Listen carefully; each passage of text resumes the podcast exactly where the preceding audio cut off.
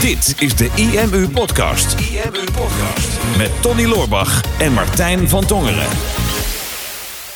Welkom, luisteraar. En jullie welkom, of ik heet mezelf welkom. Want dit is ehm, de allereerste aflevering van de IMU Podcast. Ik zit hier bij, eh, bij jullie op kantoor. Eh, volgens mij een van de vetste bedrijven van de Herengracht. Als ik dat eh, zo mag stellen. En tegenover mij zitten Martijn van Tongeren en Tony Loorbach. En we gaan het eventjes eh, een uurtje hebben over, over jullie. Over jullie business, over jullie businesses. Want eh, we gaan volgens mij al richting de, de zes BV's. Ehm, dus ja, als luisteraar gaan we je verwennen op een hele hoop concrete tips, mooie ondernemersverhalen. Misschien nog iets over lifestyle en psychologie. Maar laten we niet vooruitlopen op de feiten. Eventjes eh, eerste dingen eerst. Tony, als ik bij jou mag beginnen. Ja, Wil je misschien eh, kort eh, de luisteraar meenemen in ehm, gewoon een hele open vraag, maar dat, dat kan je handelen. In eh, wie jij bent en, en ehm, wanneer en hoe je dit bedrijf hebt opgericht. In het kort zeg je. Want dat is voor mij altijd wel een beetje een uitdaging Ja, ja. gebleken. Maar nou ja, heel kort. mijn naam is Ton- Tony Loorbach, eigenaar van onder andere de IMU, de Internet Marketing Unie. Dat is het bedrijf waar ik in 2010 mee, mee begon, ben begonnen. En sindsdien ja, is dat wat groter gegroeid. Zitten we hier inderdaad op de Herengracht met een heel team en eh, geven online marketing cursussen en, eh, en trainingen. Eh, daarna zijn er door de jaren heen wat andere bedrijven ontstaan. Hè? Wat je al zei, zes BV's inmiddels. Dat zijn een aantal eh, softwarebedrijven, met name voor, voor online marketing doeleinden. Maar ook een aantal dienstverleners, ook voor online marketing doeleinden. Dus ja, het is één groot online marketing imperium geworden. En het is niet eh, begonnen als IMU, toch? Je, je bent begonnen met eh, eh, puur het leveren van website software. Of heb ik dat verkeerd? Ja, het bedrijf heette al wel toen de IMU, of de? Internet Marketing Universiteit. Dat vond ik toen heel goed bij me passen. En was ook lekker kort en krachtig natuurlijk. internetmarketinguniversiteit.nl. maar ik wilde heel graag iets met internetmarketing erin. Ehm, en toen ben ik gewoon begonnen thuis in de keukentafel, laptopje opengeklapt en begonnen met bloggen over internetmarketing. Hè. Dus om ondernemers tips te geven van hoe kom je nou hoger in Google, hoe haal je nou meer leads en klanten uit je website en alles wat daarbij eh, hoorde. En eh, enerzijds die kennis die gaf ik gratis weg en ik verkocht een beetje in cursusvorm. Maar mijn echte product was inderdaad website software. Want de meeste ondernemers hadden gewoon moeite om die online marketing tips daadwerkelijk in de praktijk toe te passen. Ja. Dus dat was voor mij 1 en 1 2 van hè, dan geef ik je de kennis gratis en dan verkoop ik je vervolgens de software. En dan, dan is het eh, cirkeltje weer rond. En omdat heel veel mensen die luisteren zijn ondernemer of willen ondernemer worden, eh, is wel leuk om te horen. Wat was voor jou de reden om, om ondernemer te gaan worden? Of misschien in eerste instantie ZZP'er. En, en wat was dan de reden dat je later dacht, ja, ik wil echt ook een team gaan bouwen? Ja, dat, dat, dat was toen eigenlijk nog helemaal niet het, niet het idee. Ik werd eigenlijk een beetje een ondernemer. Ik had, ik had jarenlang als, als rechterhand van, eh, van Ilke de Boer gewerkt, hè, ook in online marketing. En er werd me altijd al wel gevraagd van... wanneer ga je nou eens iets voor jezelf doen? En ik merkte dat ik daar altijd een beetje geïrriteerd van raakte. Ik denk, ja, ik heb die ambitie helemaal niet... want ik heb het gewoon hartstikke naar mijn zin. En ik vind het superleuk om met online marketing bezig te zijn... en mensen daarmee te helpen. Maar op een gegeven moment merkte ik toch van... ja, op een gegeven moment gaat het kriebelen... en ik zat een beetje aan mijn, aan mijn groeiplafond. En voor mij was ondernemerschap gewoon een logische stap om te groeien. En het was destijds trouwens ook Ilko zijn idee. Die zei van, hé, hey, waarom word je geen ondernemer? Hè? Dan starten we, starten we een nieuw bedrijf. Dus ja, dat was eigenlijk per ongeluk besloten. En toen dacht ik ook echt niet verder dan... eh, ik heb gewoon mijn eigen website en ik zit thuis aan de keukentafel lekker in mijn eentje. Ik schreef toen ook een e-book. Dat heette één man, één laptop, één website, 100% vrijheid. Dat was ook echt mijn ideaalbeeld van vrijheid. Toen had ik er nooit over nagedacht om een team te gaan bouwen. Want Ja. weet je, als je mij een beetje kent, ik, ik hou helemaal niet van andere mensen. dus ik dacht nooit dat ik personeel zou willen hebben. Dat is door de jaren heen is dat, is dat heel erg veranderd. Ja, want als mensen dit horen, denken ze, huh, maar ik hoorde toch net iets over zes BV's. Ja. Dat is gewoon het compleet tegenovergestelde. Ehm, ja, la- laten we een linkje maken naar Martijn. Misschien kun je heel kort even vertellen hoe dat dan is eh, gegroeid. Eh, hoe je toch wel hebt besloten om iets met mensen te gaan doen. Volgens mij hou je trouwens wel van mensen. Inmiddels wel. Ja, Maar dat komt een beetje door types zoals Martijn natuurlijk. Hè? Daar kan je niet anders dan, eh, dan daarvan gaan houden natuurlijk. maar nee, dat, het is een beetje, een beetje veranderd door de jaren heen. Want op een gegeven moment, hè, als je bedrijf groeit, dan, dan moet je toch wat gaan uitbesteden. En als je gaat uitbesteden en je gaat met, met personeel werken, dan is het ook logisch dat je die niet puur als armen en benen gaat beschouwen. Want eh, dan, dan moet je ook constant werk blijven controleren. Hè? En dan ben je nog steeds in principe alles aan het doen. Alleen dan heb je wat armen en benen die je helpen. En als je het dan echt groter wil krijgen, dan moet je een cultuur gaan bouwen. En dan wil je het ook samen met mensen gaan doen. Hè? Dus dan wil je ook samen Ja. successen delen. Ja. En, en ook een beetje de troost ervaren van hè, als jij een keer je hart wil uitstorten bij, bij je team. Dus dat, dat is door de jaren heen is dat heel erg, heel erg veranderd. Ja, ja nou, dit, dit resoneert ook echt ontzettend bij mij. Dus je legt nu al superveel zaadjes voor later deze podcast om vragen te gaan stellen over team, over cultuur. Ik zelf merk ook dat, dat ik eh, die theaterwereld die ik wil veroveren, als ik het in mijn uppie ga doen, is helemaal niet leuk. Het is veel leuker om dat samen te doen. Nee, ik, kan me echt, ik kan me echt herinneren dat, want ik ben echt vanaf de start van mijn business uh, heb ik redelijk, redelijk snel omzetten geboekt. En echt, echt hoge omzetten. En op een gegeven moment zat ik gewoon thuis aan de keukentafel. En dan had ik gewoon 100.000 euro verdiend in een maand. In mijn eentje. En ik had geen kantoor en ik had geen personeel. En ik had in principe geen kosten. Dus ik had 100.000 euro verdiend en ik zat dan thuis de keukentafel. En ik was, was echt stokkelgelukkig. Ik had er zoiets van, ja, maar en nu dan? Hè? Ik kan het met niemand, met niemand delen. En uh, dat is misschien een beetje kort door de bocht, maar ja, daar zat voor mij echt niet, uh, echt niet te veel vulling. Ja, ik snap het ook. En je kan het heel aards en, en, en, logisch benaderen of wat zweveriger. Dat je zegt verbinding is iets waar je naar op zoek was. Ja. En ik denk dat dat wel is wat we allemaal uh, zoeken. Ja. Nou, en verbinding vond je met Martijn van Tongeren. En jij bent inmiddels kampioen van, van Tony. Ja, maar hier begonnen ehm, als medewerker, zeg maar, in loondienst. Als klant eigenlijk zelf. Als, al ja, nou, neem ons mee. Vertel, hoe is dat ontstaan? Want volgens mij was het best wel een dingetje hoe jij hier uh, uiteindelijk uh, terecht bent gekomen. Ja, dat, dat ging, niet, uh, ging niet zomaar van een leien dakje. Ik heb er wel voor, voor, moeten, voor moeten knokken. Tony moest eigenlijk eerst helemaal niks van mij hebben. Ja. Nee, ik was, toen, ik, toen ik iets van 16 was of zo, was ik zelf al bezig met het maken van websites. En ik vond het, vond het wereldje fantastisch. Ja. En ik begon met het maken van een website voor een stomerij uit mijn dorp. En terwijl ik daarmee bezig was, dacht ik, ja, daar moet meer achter zitten. Dus nou, hè, ik als jong broek, ik ga lekker googlen en kom dingen over SEO en online marketing tegen. Ik dacht, ja, inderdaad, moet meer zijn dan alleen een visitekaartje. En toen kwam ik de IMU ook tegen van, uh, van die ene Tony Loorbach. En, en hoe lang is dit geleden dan? Dit was in 2010, 2011. Oh, oké, okay. dat is echt wel een tijdje geleden. Ja. ja. Dus in 2011 toen, uh, toen ging ik voor het eerst naar, uh, naar echt een fysiek seminar toe. Maar ik, had toen, ik was toen net 18 of nog geen 18, dus ik had ook nog geen, nog geen rijbewijs. Dus mijn moeder die bracht mij met de auto naar dat, naar dat seminar van Tony toe in, in Amsterdam. Ja. En dat was een gratis seminar. Nou, hè, super tof. Dus eventjes kijken. Allemaal ondernemers, iets van 200 man in de zaal. En nou, Tony daar zijn verhaal doen. En ik dacht, wow, dit is, dit is volgens mij wel echt dit zijn strategieën, dit zijn technieken waar bijna niemand mee bezig is. Maar dit is wel waar ik echt in geloof en hier wil ik meer mee gaan doen. En toen een aantal maanden later toen kwam, er een, eh, kwam er een toffe actie. Waarbij hij zijn uh, websitesysteem uh, verkocht voor een mooie korting met een workshop weekend erbij. En dacht, ja, dit is, hiermee kan je echt een hele toffe onderneming en een online business neer gaan zetten. En dat, dat, dat begon steeds meer bij me te spelen. Dus ik dacht, nou hè, laten we dat gaan doen. Dus drie dagen lang een workshop in Amsterdam. En nou, volgens mij hebben we er hele verschillende herinneringen aan. Voor Tony was dat een hele stressvolle driedaagse. Waar je 25 ondernemers in een uh, eh, 25 ondernemers in een zaal, in een ruimte hebt zitten. Die allemaal wat van je willen hebben. En ik was zelf best wel handig met techniek natuurlijk. En ik had toen bedacht, nou, ik ga een website maken en dan ga ik een e-boekje weggeven, een cursus verkopen en dan even kijken hoe dat loopt. Maar ja, want, want, zat, even voor de duidelijkheid, Tony gaf die workshop? Tony gaf die workshop die samen, met een aantal, uh, samen met een aantal top winstmodellers, want het website systeem heette toen het winstmodel die, eh, die dan rondliepen om te helpen. En ik was zelf technisch best wel handig, dus ik had eigenlijk maar twee of drie concrete vragen en daarna kon ik weer verder. En ik Tony die kwam toen bij mij, die ging gewoon het hele rondje af en hij kwam bij mij en zei, oh, iemand die kan computeren. ja, ja, ja. Het was een opluchting als hij bij jou eh, tafeltje terecht En terwijl ik daar was, toen dacht ik eigenlijk, oh, wat echt tof is, is om aan die andere kant van de tafel te staan en al die andere mensen gewoon te helpen met hun website. Dus terwijl ik daar zat, toen had ik dat, uh, had ik dat idee. Dat leek me super vet. Nou, tegelijkertijd was ik nog bezig met mijn studie en heeft het nooit 100% focus gehad. Maar daar was wel eigenlijk het zaadje geplant om andere mensen te helpen met hun website en een online marketingstrategie. Want dat spelletje snapte niet. En wat ik interessant vind, het zal ongetwijfeld geen tientjes eh, product zijn geweest. En je was nog geen 18. Dus hoe was het voor jou om, om die investering te maken op zo'n jonge leeftijd? Ja, dat is best, best, wel, best wel intens natuurlijk. Want het was volgens mij was het 3000 euro, was toen wel inclusief BTW. Je ja. hanteerde toen nog inclusief BTW-prijzen. Ja. Maar wel iets van met, met mijn vader toen ook over gehad. Van nou, hè, is, dit een, is dit een juiste beslissing? En mijn vader is ook, ja, als dit, als dit als jij denkt dat dit echt een hele belangrijke stap is, dan, dan is dat een goede om nu te, gaan, uh, nu te gaan zetten. Dus die stimuleerde me daar ook wel in. En um, ja, als je daar dan helemaal zit, ik denk dat op dag één ik al dacht van ja, dit, dit, dit is wel, is het sowieso waard geweest. Want hier zit zoveel goud alleen al aan connecties wat je in deze ruimte vindt. Ja, dat, dat vind je niet als je, als je nog op de universiteit rondloopt in je eerste of in je tweede jaar. Ja, maar dit zegt al zoveel ook over jouw mindset. Als je op je zeventiende al bereid bent om, uh, om een paar duizend euro te investeren in je persoonlijke groei of in de groei van je business dat is echt super uniek. Um, en even één vraag tussendoor. Uh, want je zei dat, nou, Tony had het over uh, strategieën en technieken en online marketing.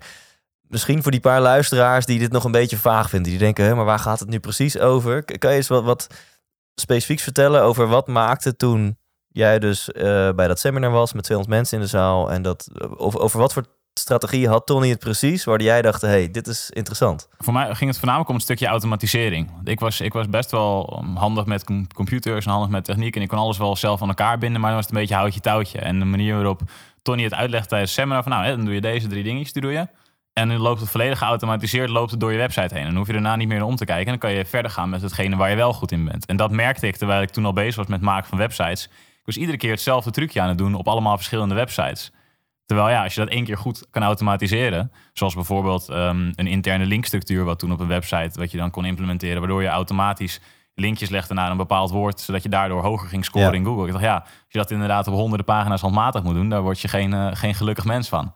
Dus er waren ve- veel dingen die automatisch zouden gebeuren, waardoor, je, ja, waardoor ik dacht van, hé, hier zitten heel veel slimmigheidjes achter. Dus gewoon allerlei dingen om jouw website beter te maken, om jouw website winstgevender te maken. Ja, Eh, jij dacht, wow, dit kan gewoon geautomatiseerd worden. En nou, dat was één van de vele strategieën Exact, die ja, je je begint met, Ja. een, met een gratis e-book en daarna verkoop je een cursus. En dat kan, ja, het enige wat je nodig hebt is eigenlijk bezoekers. En die kan je ook weer gratis krijgen vanuit Google.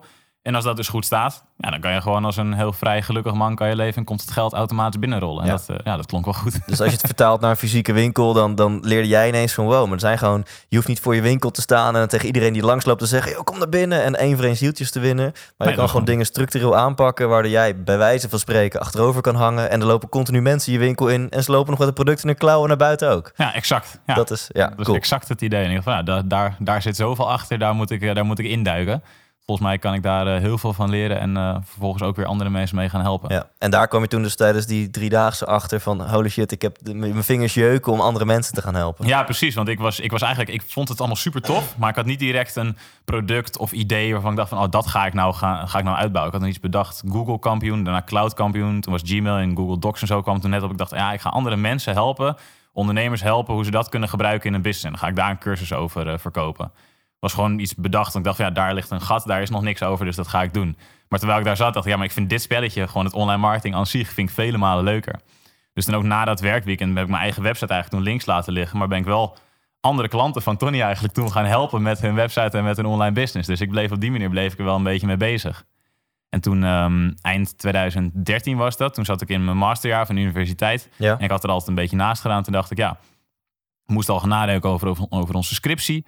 Wat ga je daarmee gaan doen? En ik dacht, ja, ik wil sowieso dat het iets is wat ik na mijn studie wil gaan doen. En toen was het nog een beetje, ja, wat, welke kant ga ik op? Ik heb eh, Business Information Studies gedaan, informatiekunde. En daar werd je eigenlijk opgeleid om CIO te worden. En op zich vond ik het allemaal wel interessant, maar ik, werd, ik kreeg niet echt, de jeuk in de handen kreeg ik daar niet echt van. En van het online marketing spelletje kreeg ik dat wel. Dus ik dacht, weet je wat ik ga doen? Ik ga sowieso iets over SEO en online marketing doen. En waar, ik denk, als ik het dan toch ga doen, een scriptie schrijven, dan wil ik ook meteen stage lopen. Want dan kan ik bij een bedrijf kan ik het doen. En dan kan ik er meer van leren, kan ik daar een steentje bijdragen. En wie weet waar dat toe kan eindigen. Dus Ja. ik denk, nou, hè, ik ga Tony een berichtje sturen. En eh, hey, kan ik, eh, kan ik eh, stage lopen bij de IMU? En mijn idee was om het websitesysteem eh, dan wetenschappelijk te gaan bewijzen. Ik denk, hé, hey, daar gaan we. Ja, daar schrok ik een beetje van toen. Want ja, het is natuurlijk een websitesysteem wat we zelf hadden ontwikkeld. En, en ik geloof in de kracht van dat systeem. Maar als iemand dan zegt, ik ga het wetenschappelijk onderzoeken... of het allemaal precies zo, zo klopt als dat jij het zegt... dan werd het natuurlijk voor mij een beetje, een beetje angstig van. En, en jij zag mogelijk ook niet de what's in it for me. Je dacht, nou, in een best case wordt het bevestigd, maar ik weet toch wel dat dit, dat dit goed is. En in een worst case wordt het onderuit gehaald. Of, Ja, nou ja, weet je, ik hecht niet... Dat is misschien heel lullig om te zeggen... maar ik hecht niet zo heel veel waarde aan, aan die feitelijke scripties. Want we hebben door de jaren heen zoveel stagiaires gehad... die kwamen afstuderen bij het bedrijf. En weet je, die zijn dan over het algemeen gewoon lekker aan het werken... en allemaal toffe dingen aan het doen hier. En dan in de, in de uurtjes daarnaast gaan ze dan een scriptie schrijven... nog wat totaal geen ja. betrekking heeft op de praktijk... van wat we aan het doen zijn. ja. Maar ik stond er toen gewoon nog heel anders in. Ik had toen eh, volgens mij twee personeelsleden, net de tweede aangenomen. En ik zag dat toen nog gewoon als, als echt armen en benen in dienst voor alleen uitvoerende taken. Eh, en niet zozeer als de cultuur die we, die we nu hebben. Hè. Daar zullen we straks nog wel op terugkomen. Maar Ja. toen was het voor mij ook gewoon eh, één te veel. En ik, ja, dan heb ik een stagiaire erbij zitten die weer een stoel warm houdt en die eh, een onderzoek zit te doen. Ja. Dat hoeft voor mij niet. Maar dit is inderdaad een interessant linkje voor zometeen. Want toen dacht jij nog van ja, medewerker, je geeft iemand een zakje geld. En in ruil daarvoor krijg je handjes en voetjes. klopt.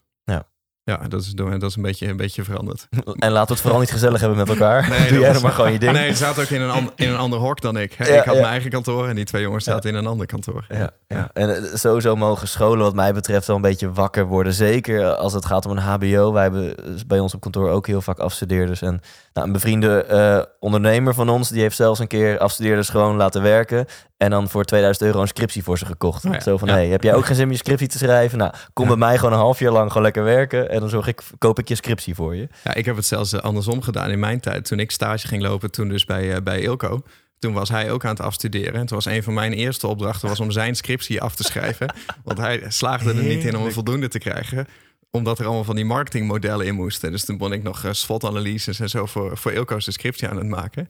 Vanuit mijn stage. Ja. Om, zijn, om zijn diploma te halen. Ja, Zodat hij cum-fraude zijn diploma kon eh, ja kon maar dat is, inmiddels is dat verjaard. Dus dat kan ik nu wel zeggen. Ja, ja, precies. Ja, in mijn show eh, vertel ik ook iets over eh, hoe je heel creatief een half jaar lang ehm, kan doen alsof je stage loopt. Laat ik het zo eh, voorzichtig formuleren.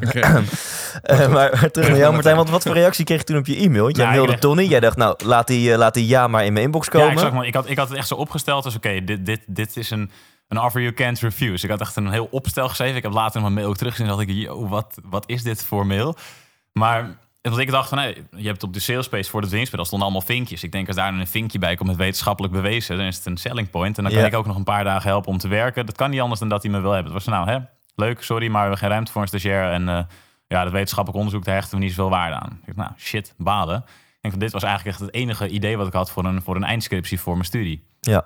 Ik dacht, nou, dat ga ik alsnog wel doen dan. Maar ik dacht, ja, ik ben niet zomaar van één gat vangen, want ik ben ook klant. En een paar weken daarna was er een klantenseminar. Want het was, eh, was eind december, begin januari, was er een nieuwjaarsseminar waar ik dan heen kon gaan. En dan was er daarna nog een nieuwjaarsborrel. Dus ik denk, nou, hè, via de mails mag ik afwijzen. Maar als ik voor je neus sta, dan uh, ik kan best wel overtuigend zijn. Dus nou, ik zit in het seminar vooraan natuurlijk. En uh, alles driftig mee te schrijven, super vette dingen. En tijdens de lunch ging de hele zaal ging, uh, ging, ging uit lunchen. En ook het team van de IMU was er toen. Dus dat was uh, Septi was daar toen en Tim. En ook het team van Winst.nl. Want dat, was, dat, dat, dat zat toen samen bij elkaar in het kantoor. En ik dacht, nou, even snel Tony nog even aanschieten van... hey, heb je er nog over nagedacht? Want ik denk dat het best wel, best wel tof kan zijn. Toen dacht ik, ja, sorry man, maar echt geen ruimte voor een stagiair. Als er, als er al iemand bij zou prikken, dan zou het een werknemer zijn. Ik dacht, hey, haakje. Ik zeg, hey. En, uh, maar als, wat nou als ik dan fulltime zou komen werken? Ja, maar ook daar hebben we op dit moment geen ruimte voor. Nou, oké, okay, balen. Ik, ik droop af, staart tussen de benen. Ja, en, ja, ja, ja. Nou, met de, hele, met de hele zaal mee lunchen. En ik met, uh, met Sepp toen meegelopen, die toen op de support zat. En ook aan hem uitgelegd wat ik allemaal voor hem zou kunnen doen om te kunnen helpen. Jij ik dacht, ik ga de mensen om Tony heen ga ik wel beïnvloeden. Ja. Ja. dus naast Sepp gezeten en toen naast Chris gezeten tijdens de lunch. Ook uitgelegd. Dus, oh, ah, super tof man, wat vet. En uh, ik heb wel het idee dat je mensen goed kan helpen, want dat ben je nu ook al aan het doen. Nou, tweede helft van het seminar, borrel kwam daarna. En um, nou, tijdens de borrel ook iedereen van het team. En ik van, nou ja, klinkt, uh, klinkt super goed. Sepp nog een keertje, ja, ik ga zo nog wel even naar Tony toe aan het eind. dus wij weer samen naar Tony. Nou, hè, dus we hebben het toch over gehad. Het denk best wel een goed idee is om Martijn uh, mij te laten helpen in het, in het bedrijf. Die kan een heel groot stuk van de support overnemen, omdat hij alles van het systeem al kent. En Tony die zei van, nou, oké, okay, is goed. Ik ga nog even nadenken. Stuur nog maar even een mailtje. En ik dacht toen, yes, ik heb weer een kans. Maar Ondertussen weet ik dat als Tony zegt stuur maar even een mailtje, dat het eigenlijk ook een afwijzing is. Maar dat ja, op dat ja. moment dat niet wil zeggen. En ik, ik denk niet alleen bij Tony. Dat is toch wel heel vaak van ja, stuur maar even een mailtje en dan... Ja, ja precies. maar ja, ik weer eager. Ik zelf gewoon, terwijl ik in de, onderweg naar de bus naar huis liep, ik, ik dat intypen van nou hè, bij deze nog even de reminder. Een paar dagen later toch, sorry, maar er is toch geen ruimte voor. Balen. Ik denk, nou, nu, heb ik het, uh, nu weet ik het niet meer. Maar op die borrel waren dus ook een paar mensen van winst.nl. En die zeiden, nou, als Tony je niet wil hebben, dan wil ik je wel hebben. Ah, en ik dacht, nou, dat zit toch op dezelfde verdieping daar. Dus ik kom daar wel binnen ergens in die bedrijfsfamilie. Dus nou, toen op een andere vacature daarvoor geschreven. En volgens mij dacht jij toen echt, wat doe jij hier op kantoor? ja, toen kwam ik ineens op kantoor in een wandelgang gangen tegen. Ik denk, heb je die gozer weer? maar had je wel, toen wel, begon je wel een beetje respect te krijgen? Dat je dacht, oké, okay, die gast die houdt wel vol? Ik heb, ik heb het denk niet zo bewust meegekregen. Ik zag hem inderdaad toen we ineens wel op kantoor bij, uh, bij Winst.nl verschijnen. En uh, toen had ik wel zoiets van, oké, is wel vasthoudend. Maar ik had toen helemaal niet, niet de mindset om, een, om er echt een heel groot bedrijf van te bouwen. Dus voor mij was het deurtje gewoon helemaal, uh, helemaal dicht. Ja. ja.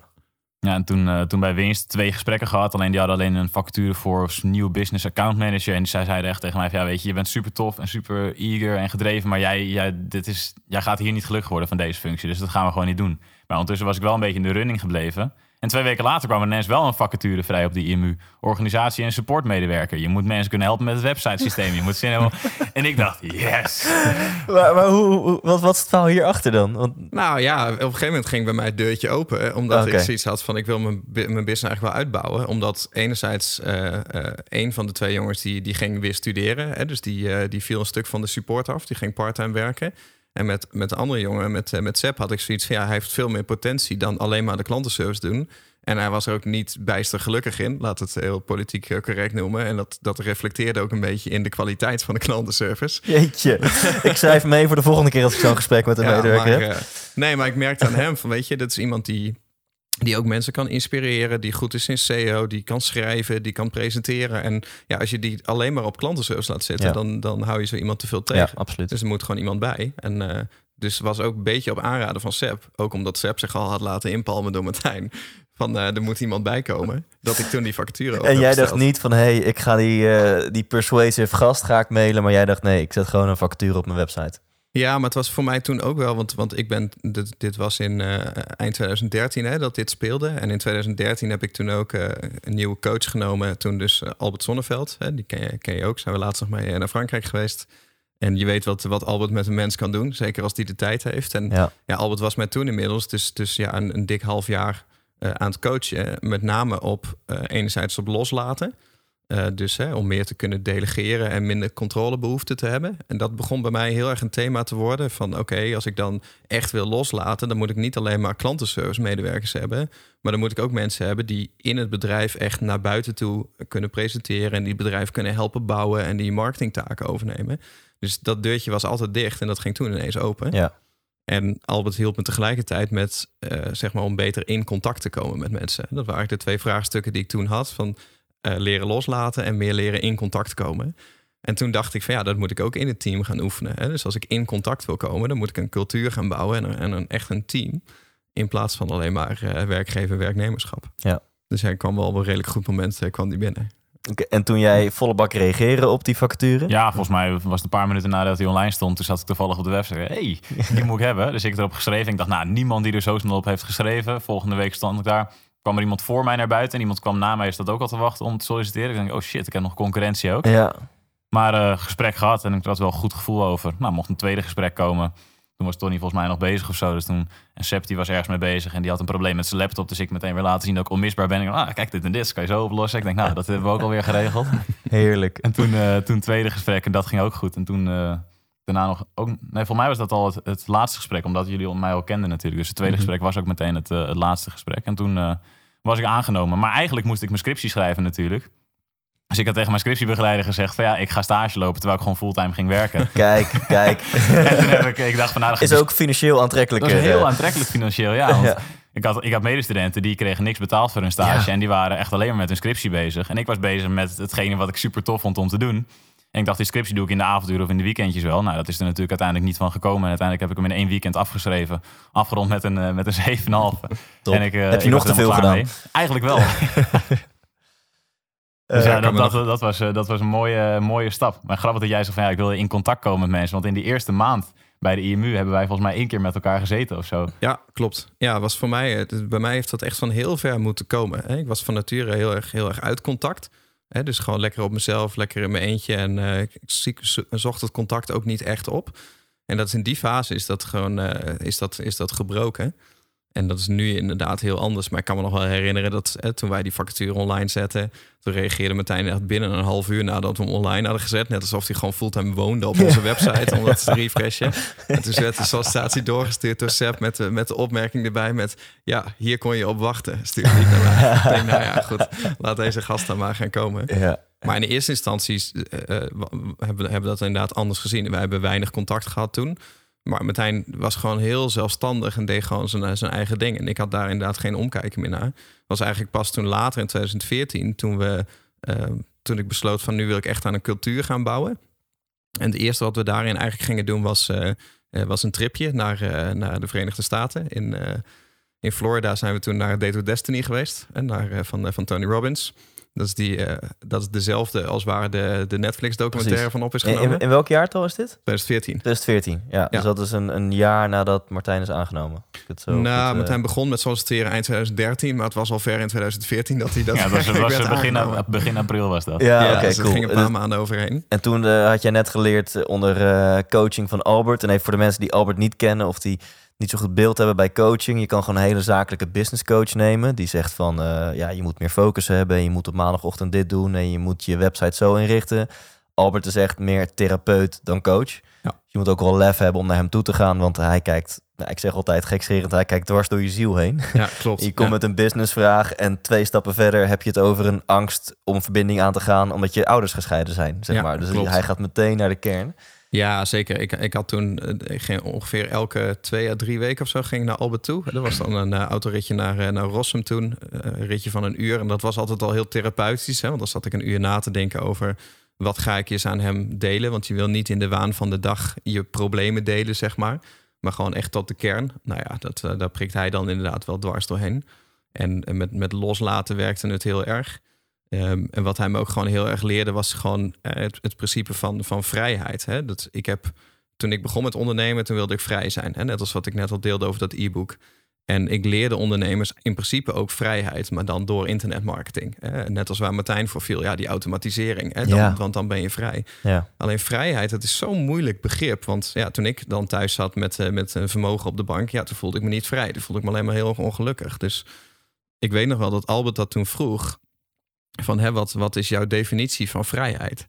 En toen dacht ik heel slim te zijn. Want ik zei, nou weet je, mijn definitie is eh, kunnen doen wat ik wil, wanneer ik het wil, met wie ik het wil, zo vaak ik het wil, zonder daarbij enige vorm van verantwoording af te hoeven leggen aan iemand anders. En dat is gewoon hoe ik het altijd heb gevoeld. ja dus de- de- in je eentje op een onbewoond eiland. En, eh. Precies, ja, ja, gewoon lekker je ding doen. En eh, Albert die zei van nou, het is gek. Mijn definitie van vrijheid is dat ik er in mijn leven voor volledig 100% mee akkoord ben. Dat ik in mijn hele leven voor alles afhankelijk ben van andere mensen. Oh, Bijna hetzelfde. Ja, bijna hetzelfde. Ik denk, nou, zitten we mooi bij een lijn. En, en dat, dat, dat brak het toen heel erg, omdat hij zei van, weet je, kijk nou eens om je heen. Weet je, de, de, de bank waar je op zit, de, de kleren die je aan hebt, het eten wat je net hebt ge- gegeten, Ja. de normen en waarden die je in je hoofd hebt. Het hele concept van een bedrijf hè, waarin jij eh, je dingen doet, dat, dat is allemaal door andere mensen. Dus die- het is heel naïef om te denken dat je zonder andere mensen kan. En dat is ook helemaal niet waar mensen voor bedoeld zijn. Mensen kunnen helemaal niet zonder andere mensen. En dat is in principe de lijfspreuk van, eh, van Ubuntu. Ik kan hem, kan hem helaas niet, want het is een of andere Zulu-taal. maar, maar het vrij vertaald betekent het... een mens wordt pas mens door andere mensen. En, en dat is wat hij me toen heel erg heeft geleerd. Van, dat moet je eigenlijk in je leven gaan brengen. En om te beginnen in je business, want daar kan je het het beste oefenen. Dus ja, als je echt vrijheid wil zijn, eh, echt vrijheid wil ervaren, dan, dan zul je in je bedrijf in principe de afhankelijkheid moeten omarmen. Hè? Dus hè, we gooide hij toen nog eens een mokerslag bovenop. Toen zei hij: Je hebt pas controle op het moment dat je het niet meer nodig hebt. Denk ik, je hebt pas controle als je het niet meer nodig hebt. Dus in mijn hoofd betekent dat van oké, dus als iemand anders de controle heeft, dan hoef ik hem niet te hebben. Maar als ik de controle over mijn business ga, ga overdragen aan iemand anders in dat bedrijf, dan kan dat niet meer als zij gewoon alleen maar werknemers zijn. Hè? Dan hoort daar een stukje autonomie bij, daar hoort daar eh, verantwoordelijkheid bij, dan zullen ze moeten groeien en dan zullen ze zich eigenlijk net zo moeten voelen zoals ik me altijd gevoeld heb. Dus dan moeten ze dezelfde privileges eigenlijk hebben, dan moeten ze dezelfde mate van verbondenheid met dat bedrijf voelen als, als dat ik heb. Ja. ja, en toen ben ik er heel anders naar gaan kijken. En toen ben ik ook wat na gaan denken van wat, wat heeft mij nou laten groeien? Nou, bijvoorbeeld seminars. En ik wist dat toen, eh, ik had toen eh, Tim, eh Seb en Martijn op de loonlijst. En in het begin van het jaar, voordat Martijn er was, had ik dat inzicht. En toen wist ik van ja, Tim en Seb hebben allebei op hun bucketlist staan dat ze ooit nog een keer naar Date with Destiny van Tony Robbins willen. En toen had ik al besloten in het begin van het jaar van nou, hoe cool zou het zijn als ik ze dat als kerstpakket kan geven. Holy fuck. Weet je, het is wel 4.500 euro per ticket. En dan moet je er ook nog naartoe vliegen en nog de hotels betalen. Precies. Dus dit is gewoon het ruim 6k per medewerker wat je even investeert. Ja, dus maar ik dacht, het zijn er toch maar twee. Hè? En ik wilde zelf ook al heen. Dus Ja. ik denk, nou, dan ga ik dat doen. En dan vormt zich echt die cultuur. En toen Martijn erbij kwam, ja, dat duurde een tijdje voordat ik dat als één groep zag. Ehm, op een gegeven moment had ik zoiets van, ja, eigenlijk, als we, het, als we het echt gaan doen, dan gaan we het ook echt doen. Dan moet Martijn eigenlijk ook mee. Dus nou, ik heb tik, ticket geregeld, uh, door allemaal hoepels gesprongen, want het was eigenlijk al uitverkocht. Voor Martijn een ticket erbij. Toen kwam ik het Martijn melden en jij was ook gematigd enthousiast. Ja, ik, ken, ik wist niet eens wie Tony Robbins was. Ik heb er wel eens van gehoord. Oh, Tony denkt echt, gast, ik, ik heb het nog moeten proberen te fixen. Ook dat is al uitverkocht, het kost fucking veel geld. En jij zo, oh, oh ja, het Ja, ik was wel super fan naar Florida. Ik denk, ja, Tony Robbins, zes dagen seminar. Ik denk, hoe kan je nou zes dagen in een seminar zitten dan? Ja, Ja, ja, het is Ja. iets van cool dat we naar Amerika gaan. Maar inderdaad, Ja. nooit van Tony Robbins gehoord. Nou, dat is een klein beetje een deceptie. Maar ik denk, oké, ja, als je een cadeau geeft, dan geef je het niet, dan geef het niet voor jezelf, dan geef je het met name voor de ander. Ik denk, dat gaan ze wel ervaren. En ik snap de reactie ook. Ik bedoel, als mensen nu luisteren en ze kennen Tony Robbins niet... of je bent nog nooit in de zaal geweest bij een professioneel spreker... zoals Remco Klaas of Thijs Lindhout... dan eh, kan je misschien niet voorstellen hoe het is om te luisteren naar iets wat werkelijk interessant is. Eh, als ik terugdenk aan mijn colleges op de HBO... na vijf minuten ging ik offline. Gewoon gaan lampjes bij mij uit. Ja. Ehm, ik ben vaak dagvoorzitter of spreker nu. Ik word geboekt op events en dat is voor mij soms ook echt overleven. Want gewoon, het is vaak heel moeilijk om de aandacht erbij te houden. Ja. Maar een Tony Robbins, zo'n zesdaags event... waarbij hij ook nog eens 12 uur minimaal per dag op het podium is... Ja, die gast weet inderdaad gewoon voor elkaar te krijgen... dat je 12 uur lang op het puntje van je stoel zit... en gewoon aan het einde van die 12 uur... meer energie hebt dan aan het begin van die 12 uur. Ja, dat is, dat is echt, Absoluut. echt ongekend. Ja. En je kan het inderdaad bijna niet navertellen. Dus ik ben dat ook maar niet gaan proberen Nee. toen. En dat wist dus Martijn toen nog niet. Nee, dus zo kwam het van een beetje van het een van het ander. Ik had net een ticket voor Martijn geregeld. En toen in september toen kwam, eh, kwam Chris. Die kwam over van, eh, van winst.nl naar IMU. Dus die had altijd al wel bij ons op kantoor gezeten. Had ook op de salesafdeling gewerkt. Dus had altijd IMU producten verkocht. Eh, maar ja, wij wilden met IMU ook een eigen salesafdeling gaan bouwen. En nou, van het een kwam het ander. Dus Chris over naar IMU. Ja, en Chris had net een aantal events gemist. Ja, en toen kwam hij dus ja, in september, oktober kwam hij bij de IMU. Terwijl wij in december naar Florida zouden kunnen. En ik had zoiets van ja, weet je, eigenlijk moet je het wel, je moet het wel verdienen. Hè? Dus je gaat niet Ja. echt zomaar iedereen die erbij komt dat soort dingen doen. En het is ook echt volledig uitverkocht. Ja, En ik merkte het gewoon aan het team van ja, weet je, het is, het is toch een beetje gewoon, we doen het met z'n allen of we doen het niet. En ik merkte al dat het best wel op Chris' emoties sloeg van ja, hè, dan blijf ik straks alleen thuis het voortbewaken. Dus nou ja, heel veel met eh Succesgids gebeld, want die organiseerde dat toen. En eh, uiteindelijk iemand gevonden die uiteindelijk toch niet wilde. En die wilde dan zijn kaart wel eh, doorverkopen. Dus het maakt niet uit wat er voor nodig is. Desnoods neem ik een stoel mee. En dan zetten we die zelf erachter erbij in de zaal. ja. Maar toch een ticket kunnen regelen. Jeetje. En Chris natuurlijk door het dolle. En toen zijn we met z'n vijven naar, eh, naar, naar Florida gegaan. En daar is gewoon een heleboel, eh, heleboel veranderd. Is dat niet ook het seminar waar ze die documentaire hebben opgenomen? Maar als in ook echt die keer Ja, dat jullie precies bij die waren? editie is het, Oh, ja. wat cool. Ja, ja, als Cool. je nu op Netflix gaat kijken, dan zie je ons ook in de zaal eh, zitten. Ja. Moet je wel precies weten welk moment en waar we zitten, maar je kan ons zien. Oh, cool. Ja, Ja. ik heb al een paar mensen, ook eh, Mr. Webchamp geloof ik, heb ik herkend. ja, daar, was ook mee. Ja. Die staat met zijn blije hoofd ook ergens achter. ja, die herken je ook vrij snel. ja. Ja, ze noemden hem ook een soort van mini Tony Robbins daar. ja, hij is ook vrij groot. Ja. Ja. Jeetje, wat cool. Dus als mensen het nog niet hebben gedaan, even gewoon een concrete tip tussendoor. Check even op Netflix. I'm Not Your Guru van Tony Robbins. Mhm. Eh, is gewoon de moeite waard. En, Absoluut. Ja, ik- die, die, eerste, die eerste dag, want ik had dus geen idee. En je komt daar dan binnen en mensen juichen, springen, dansen op stoelen. Ik denk, yo, waar, waar ben ik beland, weet je wel? En eigenlijk aan het eind van de eerste dag dacht ik al... ik snap dat dit 5000 euro kost. Mhm. Terwijl daarvoor, ja, dan heb je geen idee wat het is. Ja. Maar het gaat zo ver, het gaat zo Ja. diep. En je gaat nadenken over jezelf op een manier... wat je daarvoor eigenlijk nog nooit hebt gedaan. En dat heeft ja, wel echt de, de grondslag gelegd... voor waar we daarna, hoe we daarna zijn doorgegaan, volgens mij. Want Tim en Sepp die wisten al een soort van wat ze konden verwachten. Chris en ik niet, niet echt. En ja, Chris en ik die hebben, zijn daarna wel echt... hebben wel een omslag gemaakt... qua hoe we daarna met het bedrijf omgingen. ook. Ja. Nou, en daar hebben we ook natuurlijk alles over weten. Sowieso, om hier even bij stil te staan. Wat een mega omslag voor jou, Tony. Dat je gaat van een mindset waarbij je denkt... Ja, ik hou niet van mensen. En als Mhm. ik dan al mensen nodig heb om in te huren... Nou ja, dan geef ik je wat geld en dan krijg ik daar gewoon handje voetjes voor terug. Mhm. Dat versus 30.000 euro investeren in de Ja. cultuur van je eigen bedrijf. Ook Ja. nog eens met voor het grootste gedeelte medewerkers die er nog maar een paar maanden of een half jaar werken. Dat is natuurlijk echt een giga gap. Dus, dus je bent echt voor jou zo'n kwartje gevallen dat je dacht, maar ik wil een verbinding zijn en ik ben pas in controle als ik het niet meer nodig heb en ik wil cultuur bouwen en het is leuk om met een team te werken. Ja, maar dat is, dat is inderdaad dat is de rode draad geworden in de IMU en in alle bedrijven. En dat is nu ook, we hebben uh, deze maand hebben we de IMU ook echt officieel om, ondergedompeld, of omgedoopt, sorry, naar uh, de Internet Marketing Unie. Hè? Dus dat universiteit van het, het, het teachen en het, en het zenden van informatie, dat hebben wij vervangen voor Unie, wat veel meer voor het verbindende staat. Hè? Dus om bedrijven Oh, en ondernemers met elkaar te verbinden. Daar staat nu ook de slogan onder in vrijheid verbonden. En dat is natuurlijk een, een rechtstreekse vertaling van het gesprek met Albert in 2013. Zo. Van hè, de, de vrijheid die zit hem in de verbinding. En het is voor mij ook van, hè, kijk, dat is een beetje fast forward, maar het zijn nu dan zes bedrijven. Hè, dus ik zit in zes bedrijven en in alle bedrijven heb ik een, heb ik een partner eh, of meerdere. En dat zijn eigenlijk de sturende personen. Hè. Dus in IMU is dat samen met Martijn. Nou ja, hè, Martijn kwam binnen als eh, klantenservice medewerker. En, en door samen naar Amerika te gaan en zo'n beleving te hebben... en daarna nog een paar keer zijn we, zijn we zo close geworden... en is er zo'n vertrouwensband ontstaan... ehm, dat, het, dat hij daardoor is uitgegroeid tot mede-eigenaar van, van mijn kindje in principe. Ja. Hè, de IMU, wat, wat echt letterlijk eigenlijk een... Ja, dat, dat is wie ik ben, de IMU. Hè. Dat, is, dat is misschien nog wel meer dan, dan niet IMU. En, eh, en, en daar is Martijn onderdeel van. En eh, ik heb met Chris heb ik samen een bedrijf. Nou, die was ook mee naar Florida. Maar ook een paar keer ben ik daarmee op reis geweest. En, en dat zie je in de andere bedrijven ook. Dat, hè, dat, dat je jaren investeert in een vertrouwensband. En dat je iemand een stukje autonomie geeft. Hè, dus vrijheid van handelen, eh, verantwoordelijkheid geeft. En, en het echt samen gaat doen. En, ehm, en daar hoort dan op een gegeven moment hè, loyaliteit bij natuurlijk. Hè.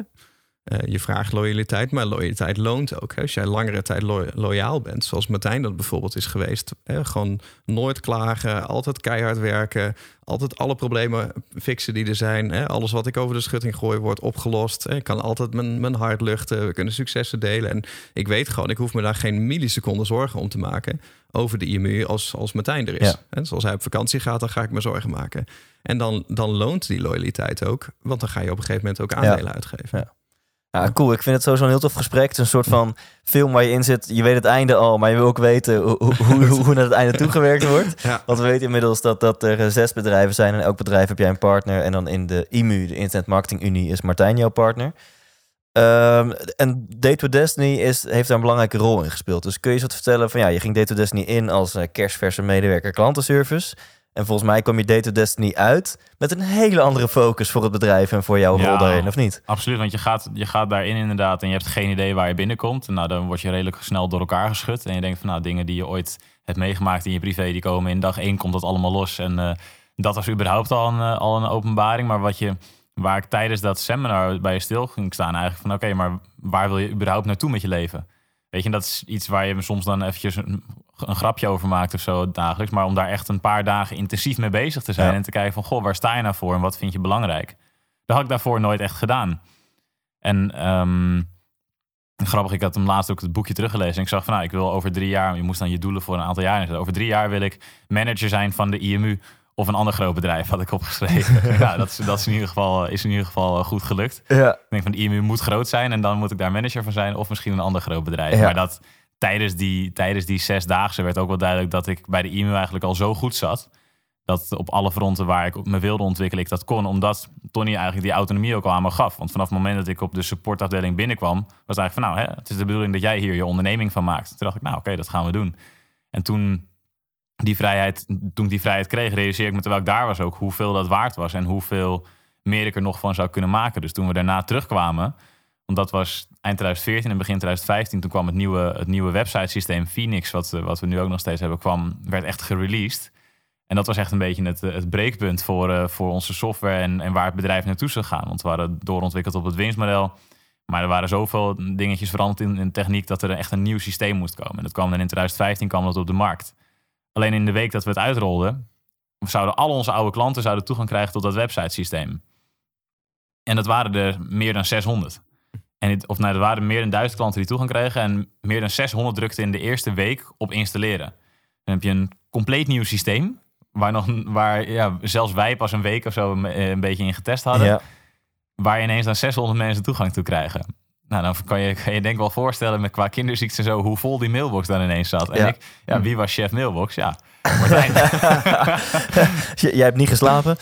weinig geslapen inderdaad. En, maar ik had wel eens, ja, maar dit systeem gaat zo'n groot verschil maken voor zoveel ondernemers. En ik geloofde daar de volle 100% in. En daarom wilde ik iedereen er zo goed mogelijk mee helpen. En Dus dat waren inderdaad dagen. Ja, ik stond op om zes uur s morgens en ik ging om eh, elf of twaalf uur ging ik weer slapen. En het was gewoon mensen helpen, mensen helpen, mensen helpen. En dat Ja. was ook het doel. Ik denk, het gaat erom dat zij straks die website hebben staan. En dat ze daar op een automatische manier veel meer business mee kunnen doen. En ik geloofde er echt in dat Phoenix het systeem daarvoor zou zijn. Maar denk als ik daarvoor bij David Destiny en, en eh, ook de tijd daarvoor niet had geloofd in die visie en waar we naartoe zouden Ja. groeien. Ja, dan had ik het gewoon als baan gezien. En niemand gaat voor zijn lol zeven dagen per week, eh, 15 uur per dag mailtjes zitten tikken als je niet weet wat het einddoel is. Of als je niet weet waar je voor aan het werk bent. En Ja, dat is wel duidelijk geworden, denk ik. Van, ik- waar doe je het nou voor? Waarom doe je wat je doet? Is natuurlijk een van de vragen die bij Tony Robbins vaak naar voren komt. Omdat we andere mensen echt willen helpen en faciliteren in hun vrijheid via dat websitesysteem. ja. En dat is denk ik wel wat, hetgene wat mij toen op de benen heeft gehouden. Want Tony Ja. die kwam dat jaar in een burn-out. Ja. En ehm, ja, dus daar, daar, daar konden we ook niet heel veel van verwachten Nee. toen qua, qua ondersteunen van de andere mensen. Ja, tof verhaal. En om een heel klein zijweggetje te, te maken voor de luisteraar die misschien nu nog zoeken is naar, huh, maar wat, wat is dan het winstmodel van jullie bedrijf? Heel veel dingen, maar voor, voor het grootste gedeelte, zeker in die tijd, een website software systeem, wat Ja. eerst winstmodel heette. Eh, daar betaalde je een eenmalig bedrag voor. En vanaf 2015 is dat Phoenix geworden en daar betaal je een maandelijks bedrag voor. Klopt, ja. Eh, en ik kan on en on gaan met hoe fucking vet ik Phoenix vind. We stonden op Schiphol laatst, want we gingen naar Albert toe in Frankrijk. Ah ja. En Ja. jij stond naast mij en, en ik stond gewoon echt niet jouw billen te likken, maar gewoon echt vanuit passie voor dat systeem wat ik gebruik. Eh, Bart die mee was, was ik hem, was ik hem aan het overtuigen hoe fucking ja. dat systeem werkt.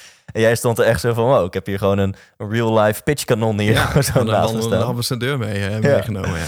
Ja. Ehm, maar goed, dat terzijde dus dat voor mensen, dat, dat is waar in elk geval Phoenix 100% van hun geld mee verdient. En, en eh, ehm, eh, een website software met een maandelijkse bijdrage en meer dan duizend mensen die dat systeem dus gebruiken. Ah. En heel cool wat jij zegt. Victor Frankl in het boekje A Man's Search for Meaning zegt natuurlijk ook: If the why is big enough, the how will come. Ja. Of nog een mooiere. ehm, eh, ik weet niet precies wat de zin is, maar iets, zo, iets in de richting van: If you have a why, you can bear with almost any how. Ja, Nou, Nou, hij dat, is, dat is echt absoluut eh, wat daar Ja. inderdaad bij van toepassing is. En ehm, nou wil ik niet jouw hou vergelijken met zijn hou. Dat is wel even een verschilletje. Maar dat- die, die, die quote is gewoon super helder. En dat is precies wat jij net zegt. Van je wist, ik wil over drie jaar manager van deze toko zijn. En tuurlijk is het super kut om 800 e-mails per dag te beantwoorden. En eh, een week lang of weken lang te leven van pizza's en niet te slapen. en alleen maar op kantoor te zijn. Mhm. Maar je wist gewoon, ik heb een purpose. Ik doe dit voor een reden, want ik wil, ik heb een end in mind. Ik Ja, wil eh, precies. deze toko gaan ik, runnen. wil, ik wil het ook gaan runnen en ik wil echt die mensen ermee gaan, ermee gaan helpen en ondersteunen. Dus ik moest ook op een gegeven moment gaan nadenken over hoe ga je dan je dag indelen. Want ik kwam gewoon niet uit. Maar ik denk, van, ja, het is er wel, die, die, die vraag. En die mensen moeten geholpen worden. En er is eigenlijk niemand anders in het bedrijf die dit kan doen. En ik moest ook nog 30 websites tegelijkertijd opzetten voor klanten die dat bij ons hadden afgenomen als dienst. Ja, sorry, Wat we eigenlijk zouden verdelen onder drie personen. Maar dat was niet logisch. Dus dat kwam ook allemaal bij mij. Dus dat Ja. was er ook nog tussendoor. Maar ik denk, ja, ik moet het gaan managen op een bepaalde manier. En ik had wel al sporten als ritueel in de ochtend. Dus dan ging ik, eh ging ik 's morgens vroeg ging ik sporten, ging thuis Insanity doen en ging dan werken. En Op een gegeven moment was de workload zo hoog dat ik 's morgens dacht: nee, oké, ik ga niet sporten nu. Ik ga eerst werken. En pas als de mailbox leeg is, ga ik sporten. Dus dat was half zes, om, half zes in de ochtend. Stapte ik achter mijn computer thuis in mijn ochtendjas. En ik ging gewoon mails zitten tikken. En ik had, echt, ik had toen iets van 150 mails. En drie uur later was de mailbox leeg. Waarom was die ook leeg? Omdat er niemand op dat tijdstip natuurlijk reacties kon sturen. Ja, ja. Dus ik had inbox nul. Ik dacht, nou heerlijk, nu kan ik gaan sporten. En dat werkte zo goed, omdat ik 's morgens extreem productief was. En na het sporten had ik weer een extra productiviteitsboost. En kon ik daarna weer aan de slag met alles wat er op mijn pad kwam. En op die manier heb ik toen die, ja, ik denk negen maanden of zo dat het er wel heeft, eh, heeft geduurd. Holy die periode fuck. heb ik daar, ben ik daar doorheen gebuffeld Mhm. om, om die routine te maken. Terwijl als dat niet, als die workload nooit zo hoog was geweest, had ik die ochtendroutine ook nooit zo op die Ja. manier ontwikkeld. Maar ook niet een beetje sporten. Insanity. Dus eh, jij bent echt een soort van energiekanon die gewoon niet te stoppen is, man. Ja. En dan ehm, uiteindelijk naar dus het moment dat je werkelijk, dat jullie huwelijk zeg maar officieel werd. eh, Mhm. Kunnen we eens vast forward daar naartoe? Want, want dit is nog eh 2014, 2015. Klopt, je hebt een ja. droom, je bent keihard aan het werken voor die droom. Komt nog even een burn-out van Tony tussendoor, waar we het misschien Mhm. dan zo nog even op, op in kunnen haken. Want dat is helaas waar ook veel mensen die zullen luisteren mee te maken hebben in hun directe of indirecte omgeving. Dat is nou eenmaal gewoon zo. Gemiddelde leeftijd is 32 van een burn-out. Het is gewoon Mhm. super heavy in onze prestatiemaatschappij dat we ons helemaal gek maken met eh, te hard werken voor, eh, voor prestatie. Eh, maar kun, je ons even fast forward meenemen in dan hoe, hoe het uiteindelijk zo is gegroeid dat je, eh, dat je op een gegeven moment bij de notaris zat en een krabbel onder een contract zette en dus gewoon officieel partner in crime van Tony Loorbach werd? Ja, het is, het, is toen, het is toen heel snel gegaan daarna eigenlijk. Want eind 2015 dachten we, hey, oké, nu, is er, nu is de budget, er is wat ruimte om weer iemand aan te nemen die mij kan gaan helpen met de support. Want het was duidelijk dat daar veel uh, een grote noodzaak was. Dus toen zijn we daar eigenlijk mee gaan, gaan starten om, te, om een soort van opvolger voor mij te zoeken op dat punt. Zodat ik een stapje naar voren kon gaan maken. Zodat ik, want het team werd ietsje groter, ook het technische team werd ietsje uitgebreid. Zodat ik de techniek een beetje kon gaan sturen. En ook de IMU iets meer kon gaan sturen. En ook mee kon gaan helpen met het geven van webinars. Iets wat ik wel deed voor onze klanten. Maar het leek me ook heel erg tof om dat voor onze echte lijst te gaan doen. En begin 2016 was voor het eerst dat ik een echt webinar aan de volledige lijst van de IMU gaf. En dat was sowieso een hele mooie stap. En vanaf toen is het eigenlijk wel gestart dat we steeds meer gingen samenwerken. Dus we stonden ook samen op het podium bij onze events. Um, we gingen steeds vaker het samen hebben over de marketingstrategie. We hadden het samen over Team IMU en hoe we dat aan het sturen waren en wie op de juiste plek zat. Ja. En dat ging steeds een stapje verder. En toen in 2017 ja, groeide ik steeds meer in die rol eigenlijk. En gaf ik op een gegeven moment zelfs meer webinars voor de IMU dan Tony dat zelf gaf. Um, was ik vaker op de vloer aanwezig om, om met het team te sparren en te kijken waar, waar we mee bezig waren. Um, en op een gegeven moment had ik half. Ik was toen in 2017 nog naar UPW van Tony Robbins geweest. En toen, daar, toen we daar waren, toen bedachten we een leuke actie voor de klanten. Waarmee we in, in een hele korte tijd nog een flinke omzetboost kregen. En ik, dacht, ik wist wel, toen werd wel concreet. Denk ik, ik wil eigenlijk wel, wel mede-eigenaar van de IMU worden. Maar of in ieder geval weer een stapje omhoog maken in het bedrijf. Met dat als, als einddoel of het, het meest ja. ideaal beeld. Maar ik denk, ja, ik ga daar niet om vragen. Ik denk, ik ga er gewoon keihard voor werken en laten zien wat ik waard ben voor het bedrijf. Ja. Door dat soort dingetjes te gaan, uh, gaan bedenken. En we hadden ook uh, het tweede, een van de bedrijven waar we nu in zitten, is Salespassie. En we hadden toen Chris, uh, Tony startte het bedrijf met Chris in Facebook marketing begin 2017. Maar Chris die was eigenlijk ook nog een beetje de sales voor de IMU aan doen. En toen dat stopte, toen hadden we dus niemand meer voor de sales. En toen zaten Tony en ik met het dilemma van... oké, wat gaan we daar nu mee doen? Wat wordt de volgende stap? En toen dacht ik, ja, ik kan het nu gaan doen. En ik was er ook goed in geworden. Want ja, als je gelooft in je product en in wat het kan betekenen voor mensen... dan kan je het goed verkopen. Ja. Maar dan ben ik zo 20 uur per week ben ik kwijt aan het doen van sales. Dus ja, dat, daar waren we geen groot fan van. We kunnen er iemand van aannemen. Maar we dachten, ja, als je iemand op sales aanneemt... dan heeft hij best wel veel sturing nodig.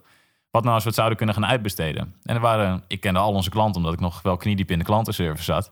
Dus hey, er zitten een aantal gasten die doen veel met sales. Laten we daar eens mee om tafel gaan zitten. Nou, met hun gespart en zij kenden ons systeem. Zouden jullie het wat vinden om dit op commissiebasis te gaan verkopen voor ons? No cure, no pay. En zij waren er helemaal voor. En dat ging zo hard dat ze in een jaar tijd voor bijna twee ton aan omzet Zo. voor ons hadden gedraaid. Waar wij dus zelf, het enige wat wij deden, was de leads die wij binnenkregen, volgden we niet zelf meer op, maar die stuurden door naar hen.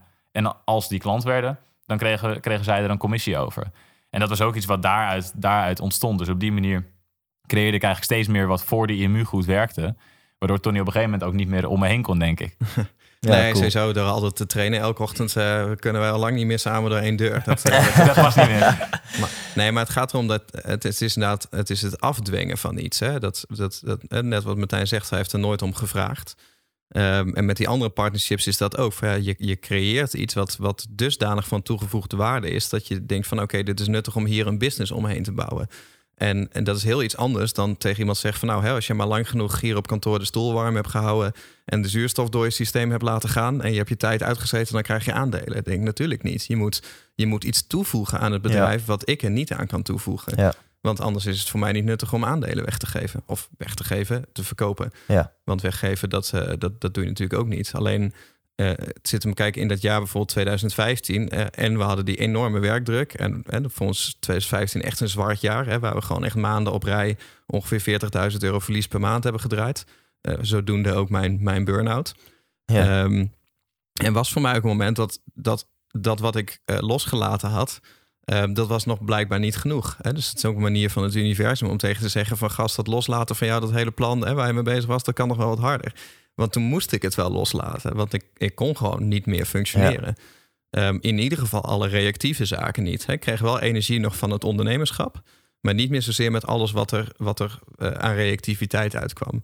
En toen hebben Martijn en ik de, de deal gemaakt van oké, okay, um, jij bent de directeur vandaag en ik ben de directeur morgen.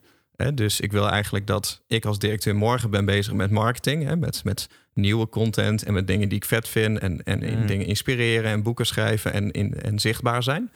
En de connectie opzoeken met mensen. Maar zodra iemand in contact komt met het bedrijf, dus zodra ze klant worden of zodra het de werkvloer opgaat, dan komt het bij de directeur vandaag en dan ben jij daar verantwoordelijk voor. Ja. En toen ging Mar Martijn ging eigenlijk marketing naar binnen toe doen, naar de klanten en naar de community. En ik ging marketing naar buiten doen, Ja. doen om mensen binnen te halen. En ja, dan, dan groeit dat heel natuurlijk. En dan op een gegeven moment word je een soort van schaduw van elkaar. Ja, Eh, en als je dat maar lang genoeg doet, dan kan je inderdaad niet meer om elkaar heen. mooi. Dus jij was echt directeur van de strategie, van Ja. de nieuwe business. En, en, en alles wat eenmaal binnengehaald was, dat, eh, of wat een lead geworden was, dat kwam bij de directeur van vandaag. En dat was Martijn geworden. Klopt. Ja. Ja. en dat is voor mij is dat ook eigenlijk de enige manier waarop het werkt. Hè? Of dat nou met één bedrijf is of op meerdere bedrijven. Weet je, als jij gewend bent om 80 uur in de week te werken of 100 uur in de week te werken, zoals ik jarenlang deed.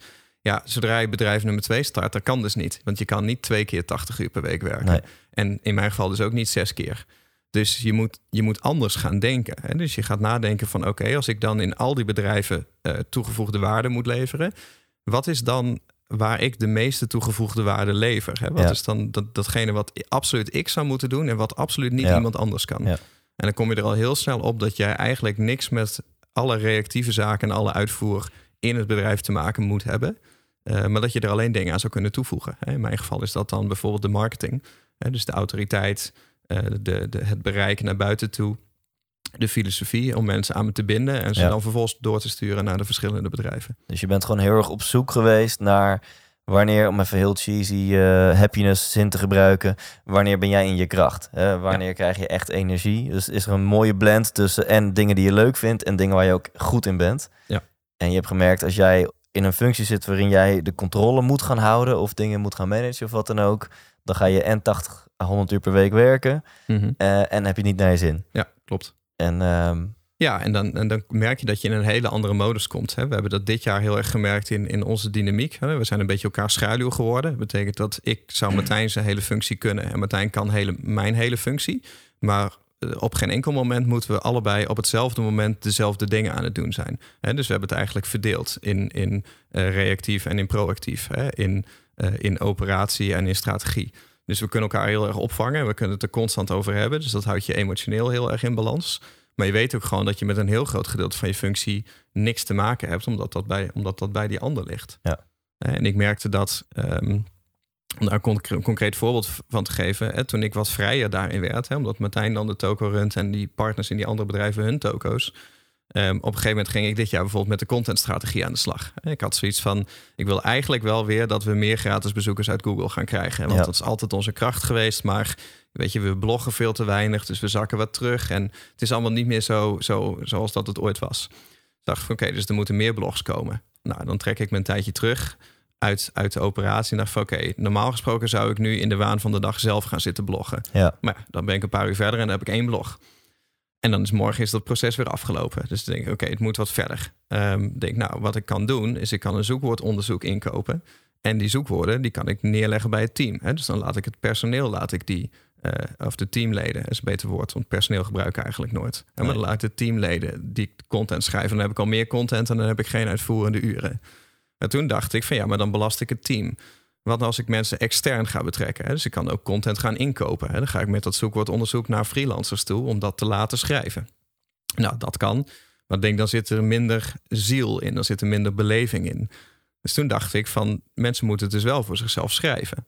Dus ik kan gastbloggers gaan werven. Dus dan ga ik naar mijn LinkedIn profiel en dan plaats ik een oproep van... hey, wie zou het cool vinden om op IMU onder zijn eigen naam te publiceren... met backlinks en al. Toen kreeg ik gewoon 70 aanmeldingen in 24 uur tijd... van mensen die dus voor ons wilden gaan schrijven. En dat kan ik alleen maar doen omdat ik weet dat we hier op kantoor bijvoorbeeld eh, de twee Danielles hebben zitten, die dat kunnen managen. ja. Die al die gastbloggers opvangen en daar contact mee houden. Ja. En die, hè, die ze gelukkig houden en een warme band creëren. Eh, en toen dacht ik nog één stap verder van ja, maar oké, wat als ik eh, dat succes wat ik over een jaar zou willen hebben qua SEO, wat als ik dat nu zou willen hebben? En dan komt er een beetje een soort van lateraal denken in. Hè? Dat je eigenlijk denkt van oké, dit kan niet. Maar stel nou dat het wel zou kunnen. Dus stel nou dat we straks rond de jaarwisseling concluderen dat we tien keer, eh, keer tien zijn gegaan qua gratis bezoekers. Hoe zouden we dat dan eventueel voor elkaar hebben gekregen? En dus dan wordt het een beetje sprookjesachtig denken. Wat zou er dan voor gebeurd moeten zijn? En dan kom je al heel snel, of ik kwam al heel snel op het idee van... dan zou ik eigenlijk wel complete websites overgekocht moeten hebben... als we echt zo hard gegroeid zijn. Want dat kan niet met schrijven. ja. Ik nou, dan ga ik eens zoeken. Zouden er geen websites zijn die ik eventueel zou kunnen overnemen? En toen heb ik uiteindelijk een website gekocht. eh, laatst met, met 700 online marketing blogs. en 250 gastbloggers daarin die die blogs hadden geschreven. En dat neem ik dan in één keer over en dat importeren we dan. En ik laat dan al die gastbloggers weer in contact komen met het team. Nou, in zo'n gedachte om zoiets te kopen, dat lukt je dus alleen maar als je helemaal uit het bedrijf bent. En als je de tijd neemt om veel dieper na te denken voordat je een beslissing neemt. En omdat je weet dat zodra het reactief wordt, dat je daar zelf niet meer mee aan de slag hoeft. Nou, Ja, dat is dus- een hele goede verdeling. Dus jij bent echt als ondernemer naar next level gegaan. Van ooit loondienst bij eh Ilke de Boer, naar ZZP'er, naar met tegenzin mensen aannemen, naar met positieve zin mensen aannemen. Toen werd je langzaam ondernemer. En nu, ja, of het nou investeerder heet of whatever. En ook van nu groei je door nadat jij er soort van boven stijgt. Ja. En dus op dit niveau het spelletje kan gaan spelen. Ja. Klopt. Ja, het gaat inderdaad, eh, we noemen het vaak hè, van, van artiest naar werknemer in je eigen bedrijf, naar eigenaar van je eigen bedrijf, naar, naar investeerder. En dan sta je boven het bedrijf, zelfs als je maar één bedrijf hebt. Maar in een, in een investeerders mindset kijk je veel meer naar een bedrijf van oké, wat is het waard? Heeft het überhaupt een verkoopwaarde? Stel dat ik het nu zou willen verkopen, kan dat dan? Ja. Eh, wat zijn dan die key performance indicators? En welke resources heb ik allemaal tot mijn beschikking? En hoe kan ik die maximaal gaan inzetten? Dus het wordt veel meer een, een cijfer- en een puntenspelletje... dan dat je echt in dat bedrijf opgeslokt zit... en met elke individuele klant bezig bent. Ja. En hoe is het voor jou, Martijn? Wat is voor jou jouw zone of genius, zeg maar? Mijn zone of genius, ja, waar moet ik beginnen? Ja, want, want eh, ik, ik mag hopen dat je niet precies hetzelfde profiel als Tony hebt. Want dan hadden jullie allebei exact dezelfde ambities. Nee, nee, Hè, dus- absoluut niet. en Maar Jij wil heel graag manager van die token worden. Dat wilde je ja, niet dat, voor dat niks. was in ieder geval een aantal jaar geleden. dacht ik, ja, ik wil, ik wil heel graag manager zijn. Nou, de, rol- de naam manager, dat wil ik überhaupt, überhaupt niet hebben eigenlijk. Maar ik, wil, ik vind het wel fantastisch om, om inderdaad het team en het bedrijf eh, te runnen en aan te sturen. En Tony noemde dat vorig jaar al, ook voordat ik mede-eigenaar was, noemde hij me al meer Mr. IMU dan dat hij, eh, dan dat hij zelf was ondertussen. ja, ja. En dat, zo voelde het ook wel heel erg. Alsof de IMU echt mijn, eh, mijn kindje was. En zo wil ik het ook wel beschouwen. Enerzijds dat mensen aan de voorkant die in contact met ons kwamen... dat voelden, die energie voelden. ja. Maar juist ook de mensen die, die klant bij ons zijn. En dat ook juist binnen het team ehm, aanwakkeren en blijven voelen. En wat wij, wat wij merkten in de, in de dynamiek tussen elkaar... dat op een gegeven moment toen ik mede-eigenaar werd... toen dacht ik ook van... hey, weet je, laten we, laten we bedrijven laten we dat gaan laten groeien. Dus waar kunnen, we, waar kunnen we op focussen om ervoor te zorgen... dat we nog veel harder gaan? Want er is nog, zijn nog zoveel kansen en zoveel potentie. Dus ik ging heel snel ging ik ook naar, nog meer naar de voorkant eigenlijk...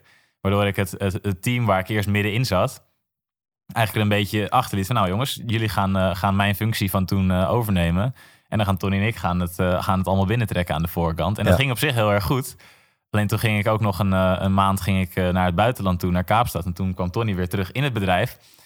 En toen kreeg hij er even met een nieuwe blik naar. En toen kwamen we erachter van, oeh, er zijn wel een paar, paar steekjes die we hebben laten vallen. Omdat we eigenlijk allebei ineens in de voorgrond waren. Dus omdat, we eigenlijk, omdat ik eigenlijk te snel ook naar die, naar die grootste voorgrond wilde gaan.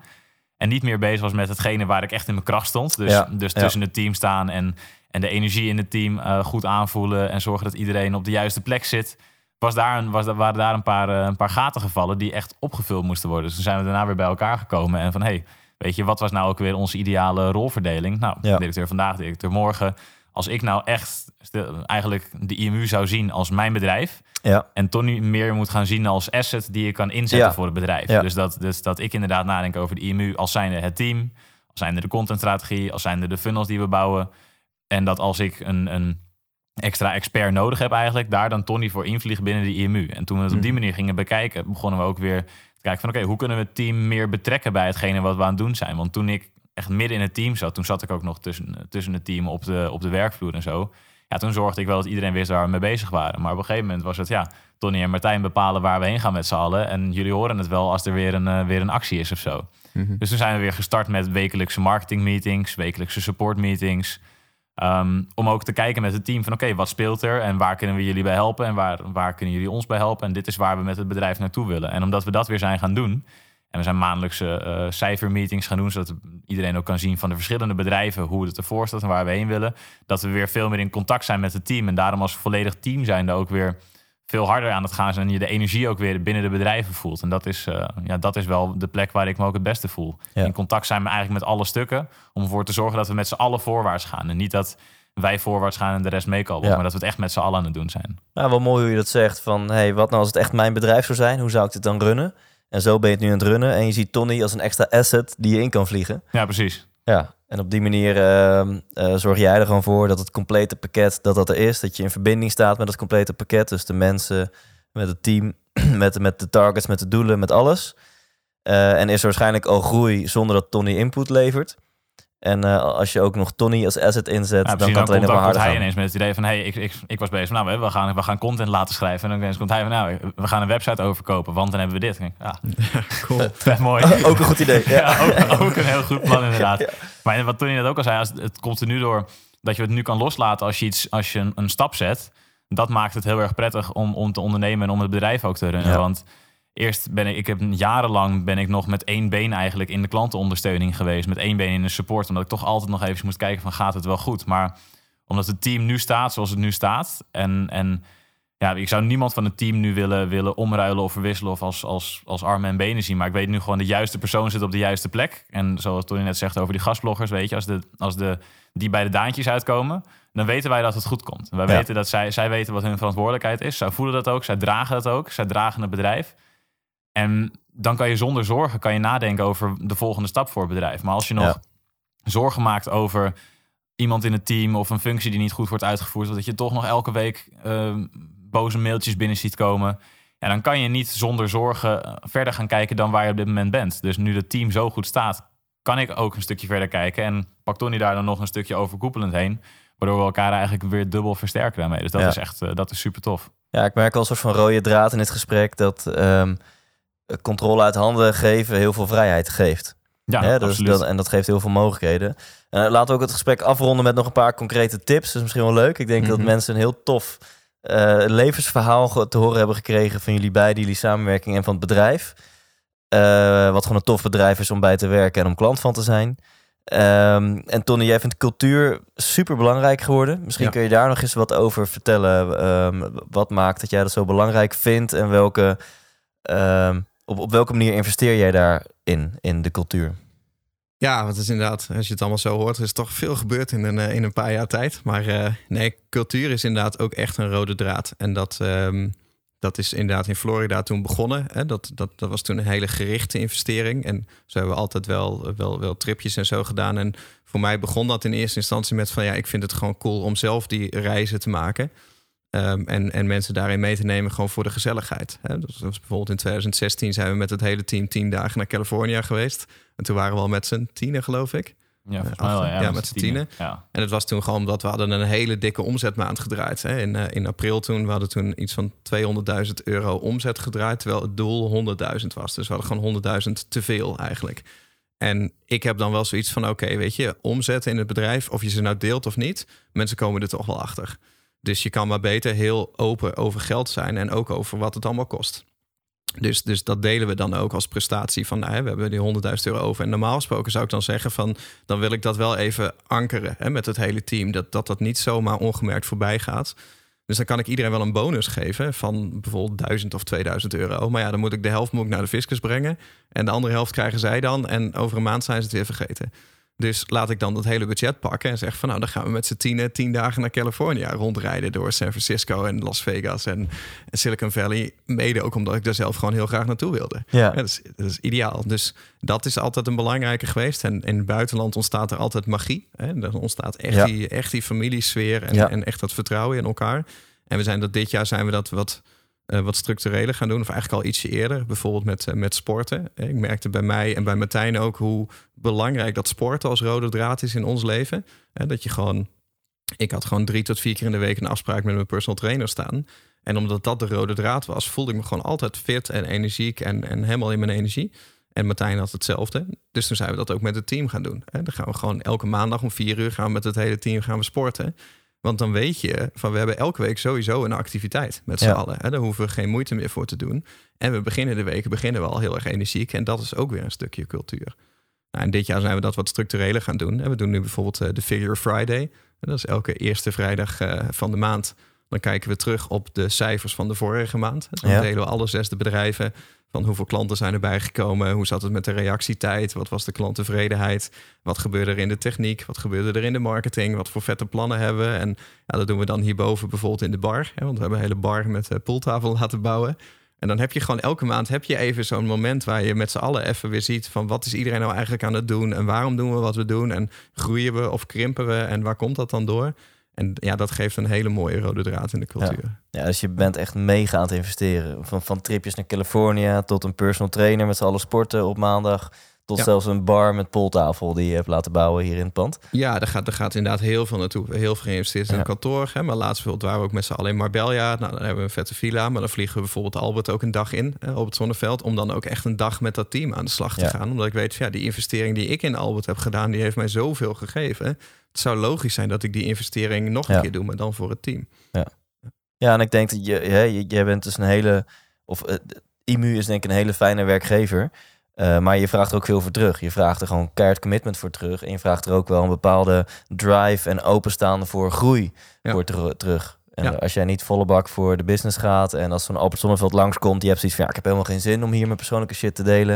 Ja, Mhm. dan pas je waarschijnlijk ook niet bij, het, bij de cultuur van het bedrijf. Nee, maar het, het is inderdaad ook andersom. Want hè, we geven dan heel veel. Maar kijk eens wat je, wat je vraagt van, een, van, van iemand die voor jou werkt. Weet je, je Ja. geeft van een salaris. Maar je vraagt gewoon het merendeel van, van de uren van iemand die in de kracht van zijn leven staat. Hè, tussen, de, tussen de 20 en de 40. En dus de kracht van je leven, het merendeel van de uren dat ze per week wakker zijn, die spenderen ze hier op kantoor met Ja. deze mensen. Ja. Zelfs meer dan met hun eigen partners. Dus dat vraag je aan die mensen om die uren, die het meest waardevol voor zijn, aan jouw bedrijf te investeren. Hè, en aan jou te geven, als het ware. En tuurlijk hoort daar een beloning bij. Hè? En ze hebben ook geld nodig, anders konden ze de huur niet betalen. Dus die, die basisgraad is er wel. Maar als je je hele economie en het hele concept van een bedrijf en zo allemaal weglaat, ja, dan vraag je echt superveel van mensen. Ja. Dus het minste wat je kan doen is, is nadenken over hoe kan ik er dan voor zorgen dat alles wat iemand nodig heeft in zijn leven om echt gelukkig te zijn, dat dat in ieder geval in zijn werk terugkomt. Hè? Ja. Het merendeel van die wakkere uren. Cool. Nou, en volgens mij is connectie daar een hele belangrijke voor. Ja. Dan moet je team wel echt voelen als je familie. Anders dan, dan Ja. kost je dat elke dag meer energie dan dat het oplevert. En tof is dat Da- Danielle, die zei dat laatst tegen mij in een gesprek. Die zei van, ja, zo vet. Ik heb meerdere bedrijven gezien en zo. Maar hier bij de IMU, ik kan gewoon met iedereen kan ik goed. En iedereen is leuk en iedereen is chill. En de vibe is altijd aanwezig. En iedereen wil elkaar helpen. Iedereen staat voor elkaar open. En ze zegt, ja, dat zie je volgens mij bij bijna geen enkel bedrijf. En dat is zo'n fijne plek om hier te werken. En Tony en ik hebben al jarenlang ook samen dan de sollicitatiegesprek gedaan. En daarbij weten we eigenlijk bij het eerste gesprek vaak al van, nou oké, dat... Wat nou als die mee zou zijn op zo'n tripje? Stel dan vraag, vaak, Ja, vaak de vraag, oké, hoe, hoe, zou, hoe zou die dan aan tafel zitten? Want we zijn ook een keertje naar Joya geweest met Albert Sonneveld dan met het hele team toen. En toen is, is hij ook een sessie gaan doen. Maar ja, hoe zou het nou zijn als die persoon daar ook aan tafel had gezeten? Had dat gepast of niet? Ja. En komt die persoon voor zichzelf? Of komt die persoon omdat hij eens wil bijdragen aan het bedrijf? Ja. En dat zie je vaak al in zo'n gesprek. En in sommige sollicitatiegesprekken dan, heel, heel- dan heb ik, dan leer ik, dan wil ik. En hoe vaker dat er naar voren komt, dan kijken wij elkaar vaak dan daarnaast de deur dicht aan van oeh, nee, dat gaat hem niet worden. En als je hoort van nou, ik wil heel graag mensen helpen en ik wil dit bijdragen en het lijkt me gaaf om dit te gaan doen. Mhm. Ja, daar worden we ine- ineens heel erg enthousiast van. Dus het gaat niet alleen om wat komen ze halen, maar wat komen ze ook brengen. En Ja. zodra ze in die mindset erin staan, ja, dan weten wij ook dat wij ze een omgeving kunnen bieden waarin ze dat zelf ook uit zichzelf kunnen halen en daar ook weer heel veel voor terugkrijgen. Ja. Ja, dus cultuur, hoe, hoe belangrijk het is en hoe leuk het kan zijn, dat is, eh, ja, dat is nu denk ik eh, duidelijk voor de luisteraar. En om, om dan af te sluiten, ehm, want om een cultuur te bouwen heb je wel eerst mensen nodig. En jij eh, hebt heel veel contact met de klanten van IMU. Je hebt natuurlijk ook lang op de klantenafdeling gewerkt. Ja. Ehm, dus misschien voor die luisteraar die denkt van ja, allemaal super tof. Maar ja, ik heb nog geen mensen, dus ik heb nog geen cultuur om aan te bouwen. Wa- wa- wat is nu een blokkade die jij het meest bent tegengekomen bij jullie klanten die allemaal bedrijf hebben, die allemaal een website hebben en die, en die ook willen groeien, maar het misschien super eng vinden om, om iemand aan te nemen of super eng vinden om naar de volgende stap te gaan. Dus kan je er wat over vertellen wat, wat dan die blokkade is die je meestal tegenkomt? En daar rolt vast ook wel een, een, een tip uit. Ja, wat, wat wij natuurlijk zelf ook hebben ervaren. Het is, het, is, het is eigenlijk je kindje. Weet je, het is, eerst was de IMU Tony's kindje. Op een gegeven moment, IMU is mijn kindje. De support was mijn kindje. Dus, dus om dat door iemand anders te laten doen, dat voelt, dat voelt enorm eng. Want ja, je weet nooit of die andere persoon dat ook zo goed kan gaan doen als dat jij dat kan doen. Maar dat is misschien ook niet iets wat je altijd moet verwachten. Maar als je een stukje gaat pakken en door iemand anders zou laten doen, zij het iemand die je aanneemt, zij het een stukje wat je uitbesteedt, dan kan dat zoveel rust geven. We bijvoorbeeld de, de, een praktisch voorbeeld van telefoon. Hadden een telefoonnummer op de website staan, want ja, je moet misschien bereikbaar zijn. Stel dat er een storing is met het websitesysteem. Ja. Maar ja, dan gaan mensen gaan ook bellen voor een vraag van... oh, hoe, waar kan ik mijn logo plaatsen? Of waar kan ik dit invullen? Of waar kan ik dat invullen? Terwijl we daar een volledig trainingsprogramma voor hadden. Ja. En voor je door had, sta je, zet je drie kwartier daarvoor aan de telefoon. Maar ja, eigenlijk was, was de regel, mail me maar. Maar ja, ik zat ook op de mail, dus dat is heel lastig tegen elkaar, eh, tegen elkaar afzetten. En toen op een gegeven moment, ja, ging, soms ging het zelfs over dat mensen hun hele huwelijksverhalen en zo dan aan je gingen vertellen aan de telefoon terwijl je support wilde doen. Ja. En op een gegeven moment dachten we, oké, dit, dit gaat niet meer werken. Toen hebben we gekeken van, oké, hoe kunnen we dit gaan uitbesteden? Hebben we daar Busyphone, dat is een bedrijf wat, wat dan de telefoon voor jou aanneemt. Wat dan zegt van, hey, met die en die van IMU, zij kennen je bedrijf. Je hebt dan een paar telefonisten die voor jou, voor jou bellen. En die keken, is dit een, echt een storing? Zo ja, nou dan verbinden we door. Oh ja. Maar als het gewoon een algemene vraag is, dan zeggen we, hey, je moet naar het trainingsprogramma gaan. Ja. En omdat zij eh, Irene van Busyphone aan de telefoon kregen, ja, dan, dan gingen ze daar, stopten ze daar wel met bellen. Maar ja, als ze Martijn van de IMU aan de telefoon Ja. kregen, die zei, je moet me mailen. Dat is een stuk lastiger natuurlijk. Dus dat Ja. was... En vanaf de dag, ik vond het heel spannend om dat te doen, maar vanaf de dag dat ik dat had gedaan, dacht ik echt, wow, Ja. wat een rust. En, en, en wat, een, wat een extra tijd en vrijheid en, en headspace ik daardoor kreeg. En hetzelfde stukje was met sales. Ik dacht, sales, dat kan ik nooit uitbesteden. Dat kan niet. Weet je, niemand, kan, niemand kent het systeem zoals ik het ken. Niemand kent het bedrijf zoals ik het ken. Dus ik kan het niet uitbesteden. En vanaf het moment dat wij besloten hadden... Hey, we gaan het door iemand anders laten doen. En, en vanaf dat moment dacht ik... Oh, wat lekker. Ja. Ik zie dat er een lead binnenkomt. Ik hoef hem zelf niet terug te bellen. Maar ik weet gewoon dat hij goed wordt opgevangen door iemand anders. En vervolgens komt dan die eerste sale een keer binnen. En dan denk je helemaal van... Wauw, hier hebben wij gewoon geen Ja. seconde aan verspeeld. Wij zijn bezig geweest met de marketing. Ja. Terwijl ergens anders iets, iets, wordt, eh, iets wordt verzorgd, waardoor het bedrijf ook verder gaat. En dat is natuurlijk ook eenmaal als je met personeel werkt. Alleen je kan het alleen doen als je vertrouwen hebt in die partij of vertrouwen hebt in de persoon die het doet. Ja, En dus, als dat dan goed komt, ja, dan, dan voelt dat heerlijk. ja, dus om te gaan naar de next step in je bedrijf, zeker als je nog in je uppie bent, dan is de next step, heeft gewoon te maken met mensen die voor jou gaan werken. En ehm, allereerst wil ik jou zeggen, super begrijpelijk, het is je kindje, dus iedereen heeft hetzelfde probleem, hè? dus voel je vooral niet uniek en zo. Dit is gewoon een heel gebruikelijk probleem. En als je een, misschien meteen iemand wil aannemen, is misschien een te grote stap. Hè? Dan gaat je amygdala af, zou Albert Ja, Zonneveld ja. zeggen. Ja. Dus maak er een klein stapje van. Eh, Feel the fear and do it anyway. Besteed iets van je helpdesk sales. Die voorbeelden gaf jij dan. Ga gewoon eens iets uitbesteden. Weet je wel, het kost je een paar tientjes per honderdjes of een paar duizendjes. Maar dat is Ja. gewoon een Iets waar afgebakend je zelf veel stress van ervaart. Iets waar je zelf niet goed in bent. Ja. Die van support vond hij het lastigste. Dus dat is het eerste wat hij is gaan uitbesteden. Ja, dat komt niet goed als ik op de sport eh, ga zitten. Nee, ik wil altijd bonje met Eh, mensen. gun ik die mensen ook niet. Nee. Nee, Nee, maar- maar- en, dan ga je, ga je zelf ervaren van... Waarschijnlijk van wauw, dit, dit voelt lekker. Want waar we het in de voorbespreking kort over hadden... heel veel mensen worden ondernemer. Want dan denken ze, nou, dan heb ik meer vrijheid en meer geld. En de meeste mensen ervaren het exact tegenovergestelde. Die moeten gewoon keihard werken. Omdat ze, onder andere omdat ze het heel eng vinden... om te groeien en dingen uit te gaan besteden. Ja, maar het is ook wel wat jij zegt met, met kleine stapjes. Het is zo vaak dat zodra een ondernemer een stap wil zetten, dat hij meteen van, van 0 naar 100 wil Ja, in één keer. ja. Hè? Dus dat zie je op de to-do-lijsten. Die staan zo vol met van... oké, als het bedrijf keer 100 zou moeten... dan zouden we dit op de to-do-lijst allemaal moeten doen. En alles is belangrijk. Ja, of, of ik heb nu nog geen blogs op mijn site... maar ik wil eigenlijk twee keer per dag een nieuwe blog plaatsen. Ja, Want dat, is, dat is te groot. En met uitbesteden is dat ook. Ja, natuurlijk kan je niet in één keer jouw hele functie uitbesteden. Eh, maar, maar een heel klein stukje misschien wel succesvol. En dan nog is het ook gewoon iets waar je in moet investeren. Ja. Hè, dat, is, dat is toch iets, hè, wij zeggen altijd, je krijgt wat je tolereert. Maar dat is zowel positief als negatief. Weet je, als jij eh, niks tolereert, dan krijg je ook niks.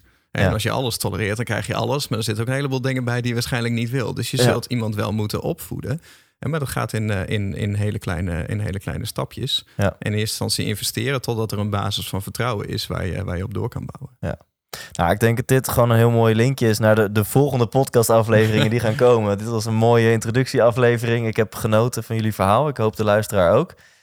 En eh, volgens mij is dit wat mensen vanaf nu kunnen gaan verwachten.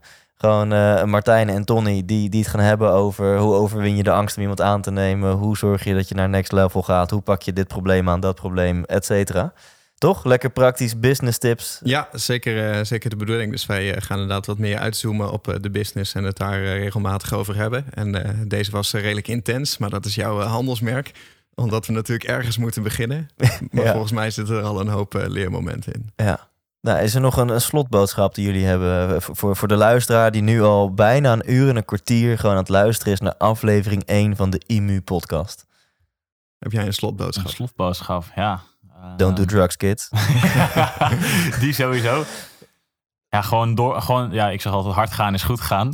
zeg, uh, en ik had hem vanochtend had ik die nog aan de sportschool zeiden mensen: Oh, ben je aan het voorbereiden op ADE? Ik denk, nee, dat heeft voor mij echt niks met drugs te maken, maar meer met als je ergens in gelooft en je wil ergens voor gaan, ga er dan ook gewoon volle bak voor. En dan kan het haast niet anders dan dat je ergens wel een goede snaar raakt en daardoor weer een volgende stap verder komt. Cool.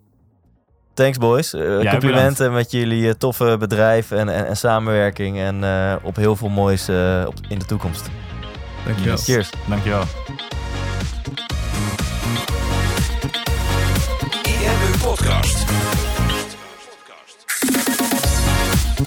Hey, super tof dat je hebt geluisterd naar deze aflevering van de IMU Podcast. Ik hoop dat je het waardevol vond en ik hoop dat je er inzichten uit hebt kunnen halen voor je online marketingstrategie, voor je business of voor jezelf als ondernemer. Het is namelijk ons doel met deze podcast om zoveel mogelijk mensen te helpen en inspireren voor een online marketingstrategie en voor hun business. En daarom wil ik je ook vragen of je ons wil helpen om die boodschap te verspreiden. Om andere mensen ook te attenderen op deze podcast. En dat kan je doen door dat bijvoorbeeld te delen in je Instagram story of via je Instagram profiel en dan imu.nl te taggen. Dus maak een screenshot van je podcast-app en deel dat even in je Instagram story of in je Instagram profiel. En als je dat doet, maak je ook meteen kans op een van onze expertcursussen. We gaan namelijk één keer per maand iemand uitkiezen die regelmatig onze podcast deelt, die regelmatig luistert en daar ook andere mensen op attendeert. En die krijgt dan een gratis expertcursus van de IMU naar keuze. Dus maak even een screenshot van je app, tag imu.nl zodat wij het ook zien. En dan wil ik je daar alvast heel erg voor bedanken. En hoop ik natuurlijk dat we je de volgende aflevering ook weer mogen verwelkomen. En voor nu nog een hele fijne dag.